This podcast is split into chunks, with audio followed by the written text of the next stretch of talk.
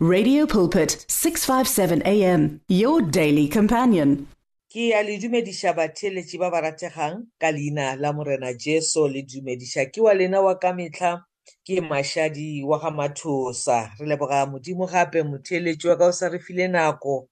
Le ge e le gore ke 15 minutes but by his grace we are able to accomplish so much ka yona 15 minutes. So remember mo yo halalelang gore e be ena a tlo go re thuša wa kgona go e-multiply yona this 15 minutes a e dire gore ka yona re kgone go go hwetša botlhale bo e leng gore bo a re tiiša mo tseleng ya bokreste. Ke kgopela gore pele re thoma motheletši wa kanke re mo amogele yena mo yo halalelang. Papa ka lebitso la morena jesu re tla pele ga sefatlhogo sa gago le ka yona nako e re tla go leboga ntate gobane o a re rata gobane o re kgethile o ngwadile maina a rena ka re ga buka ya bophelo. Gore ka letšatši la bofelo modimo wa ka re tlo phologa re tlo kgona go bona sefatlhego sa gago. Ke rapelela batheeletše le nna ke a ithapelela. Ntate a phelang go sa tlang re tlo bala bebele gore mantšu a gago a ngwale dipelong tša rena le ditlhaloganyong tša rena re tlo kgona go sepela ka botlhale ka lebitso le le maatla la morena jesu. Re leboga tšotlhe amen. Motheletši wa ka be re santsane re bolela ka botlhale ba modimo. Re sa tšwela pele it is very important gore ngwaga o sa thoma motheletši wa ka re tšee decision ya gore we are going to regard the wisdom of god highly. Gore we are going to elevate her. We are going to exalt her. Motheletši wa ka baebele e re ge re dira jwale the wisdom of god is able to, pre to preserve us mo lefaseng le lebe le re phelang go lona. She is able to prevent us from decomposition. She's able to, to, to, to, to prevent us from spiritual decay. She's able to protect us and to conserve us. She's able to look after us and to take care of us as we journey mo tseleng ya rena ya bokreste so bekeng e fetile motheletši wa ka be re santsane re thoma thuto e tlo re thušang gore ge re santsane re sepela ka ka ka tsela ya bokreste re kgone go differentiate between the voice of god and the voice of satan. So re lemogile gore taba ya botlhale e thomile in the garden of eden. Ra re ge re bala i'm just recapping a bit some of the things tše re nako e re feletšeng re ntše re le busy re di tlhalosa bekeng e e fetileng. Re ile ge re bala mo go genesis chapter 2 verse 15 ya re lemoša gore in the garden of eden modimo o ile a ruta motho botlhale. A re go ntse o sepela ka mogare ga tšhimo ya eden. There are certain things that you can do and there are certain things that you must never do because they will kill you. Modimo a botša motho a re there, there is a tree of the knowledge of good and evil. A re you must never eat of that tree because if you do it you will certainly die. And then re bona satan a introducer wisdom ya batho. Goba wisdom ya lefase le he goes to the woman. And bible e re satan was snake and he was crafty you know. O ba tletše ka bosawane. And he went to the woman and said to the woman did god really say to you you must not eat from any tree in the garden? He went and twisted the word of god. He went and planted doubt in the heart of this woman. That is how the, the devil operates motheletši wa ka.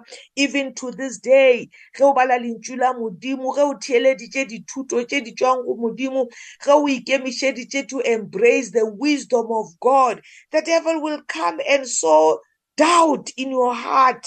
He will come and twist the verses and the scriptures and bring confusion to your mind so that you will ultimately disobey god and die. Ke rile ge ke thoma mathomong bekeng e fetileng ka tlhalosa gore the reason we are so much into the bible learning from it every day is because re nyaka go phumelela legodimong. Re nyaka gore ge lefase le le fetšišwa re ikhwetše re na le tulo gare ga ba phudušitšweng legodimong. Legodimong is a place that is inhabited. Re boletše gore it is inhabited by God, the elders, the cherubims, and the angels that cannot be numbered. modimo re tshepišitše gore ga a tlo destroy lefase le we will be given a place amongst those people. And for us to make it motheletši wa ka we need to walk in the wisdom of god. Re tšhabe modimo bible e re go tšhaba modimo ke bjona botlhale. So we are trying to unpack wisdom. So re, re, we need to be wise. And ba wise there is an enemy that is always trying to derail us. Gore sepele ka re ga bošilu bja go doubta lentswe la modimo bošilu bja go confusa le go twista di-scriptures. Gore mafelong re tlo gwa modimo rile if you eat of this tree of the knowledge of good and evil you will certainly die. Satan goes to the woman and no, you will not die. You know, he's always opposing what God is saying, you know. So Genesis chapter 3 verse 2, the woman said to the serpent, we may eat fruit from the trees in the garden, but God did say, you must not eat fruit from the tree that is in the middle of the garden. You must not touch it or you will die. Verse 4. Satan o engage this woman. The devil is an enemy One of the decisions that you need to take for 2024 is that you are not going to give the devil an opportunity in your life. Bible don't give the devil opportunity. Resist him with all you have and he will flee from you. So Saturday, Rebona in the Garden of Eden, this woman is giving him an opportunity. The Bible says the devil comes not but to steal, to kill, and to destroy. The devil is an enemy, Mutelejuaka. He's got only three agendas in his mind. Akana ofura a bolela ka lentswe le le monate a pretended to be your relative a pretended to be your mother. No gore the devil is a liar. Lentswe la modimo le re he comes only to steal from you. He comes only to kill you and to destroy what god has given you. And that is exactly what he did to this woman. Ga a tla tla a tlo twista di-scriptures a planta doubt in her heart. That is why bible e re don't give him an opportunity because that one second that you give him he's gonna use it to the maximum. So bible e re mosadi o gantse a engage le satan a mo quotela di-scriptures a leka go mmontšha gore no this is what god has said. So uh, verse 3 but God did say, You must not eat fruit from the tree that is in the middle of the garden you must not touch it. You know mosadi o ne a kwele modimo gore na modimo o rileng o re or you will die. Then verse 4 ka re o file satane an opportunity. Satane o re go wena o re you will not certainly die. You know he's twisting the scriptures. He is twisting the word of god. Oh no, you will not certainly die. Remember, the devil is a liar and he still has not changed in 2024. You give him an opportunity, he will lie to you. He says to the devil, You will not certainly die. God said to the people, You will certainly die if you eat of that tree. More Genesis chapter 2, verse 17. Satan wabuya. More Genesis chapter 3 Verse 4, Uri, you will not certainly die, the serpent said to the woman, for God knows that when you eat from it, your eyes will be opened.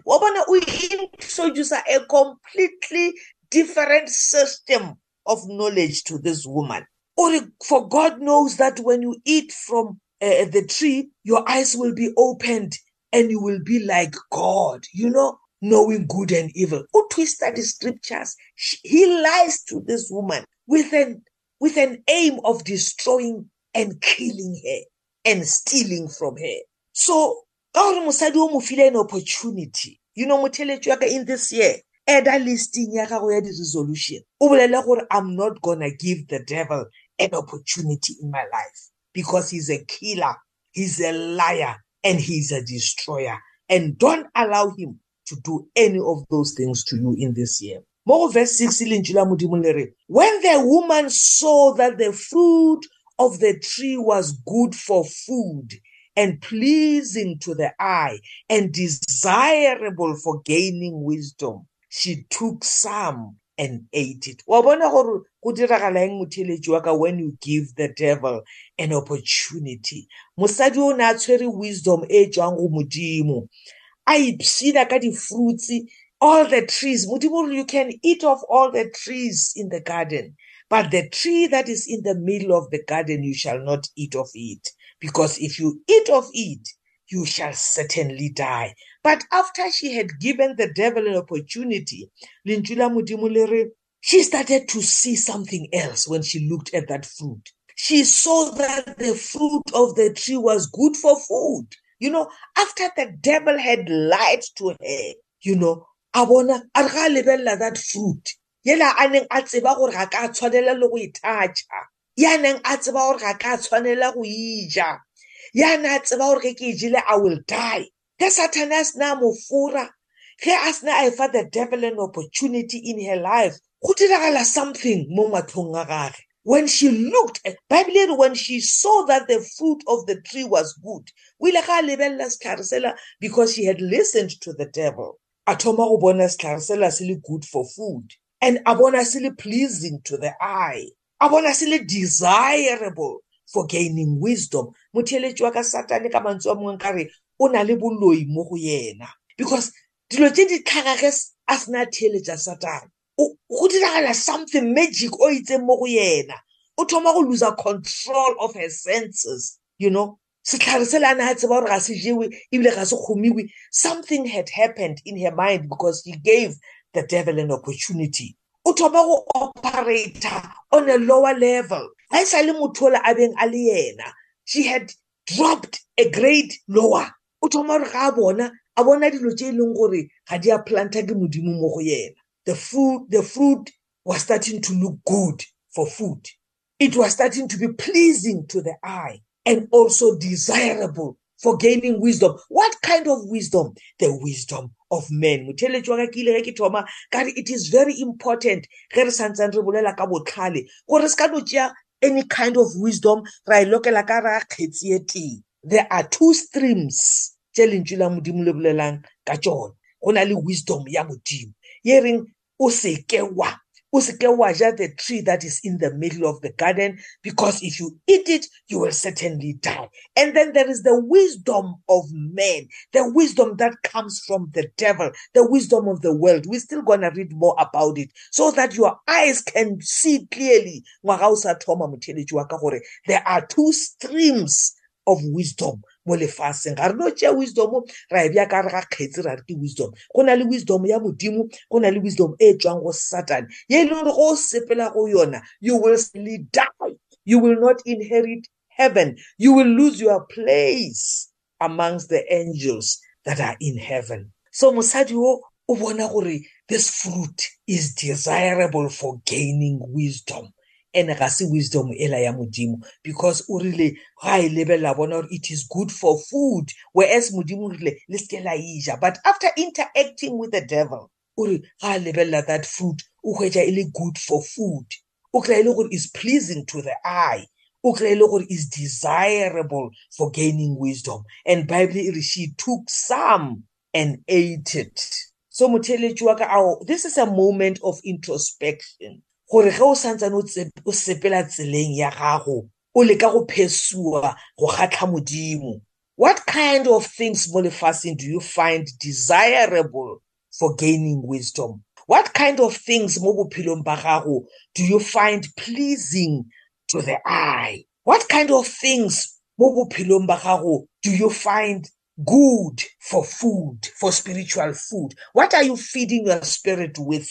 We are introspecting ourselves motheletši wa ka myself included.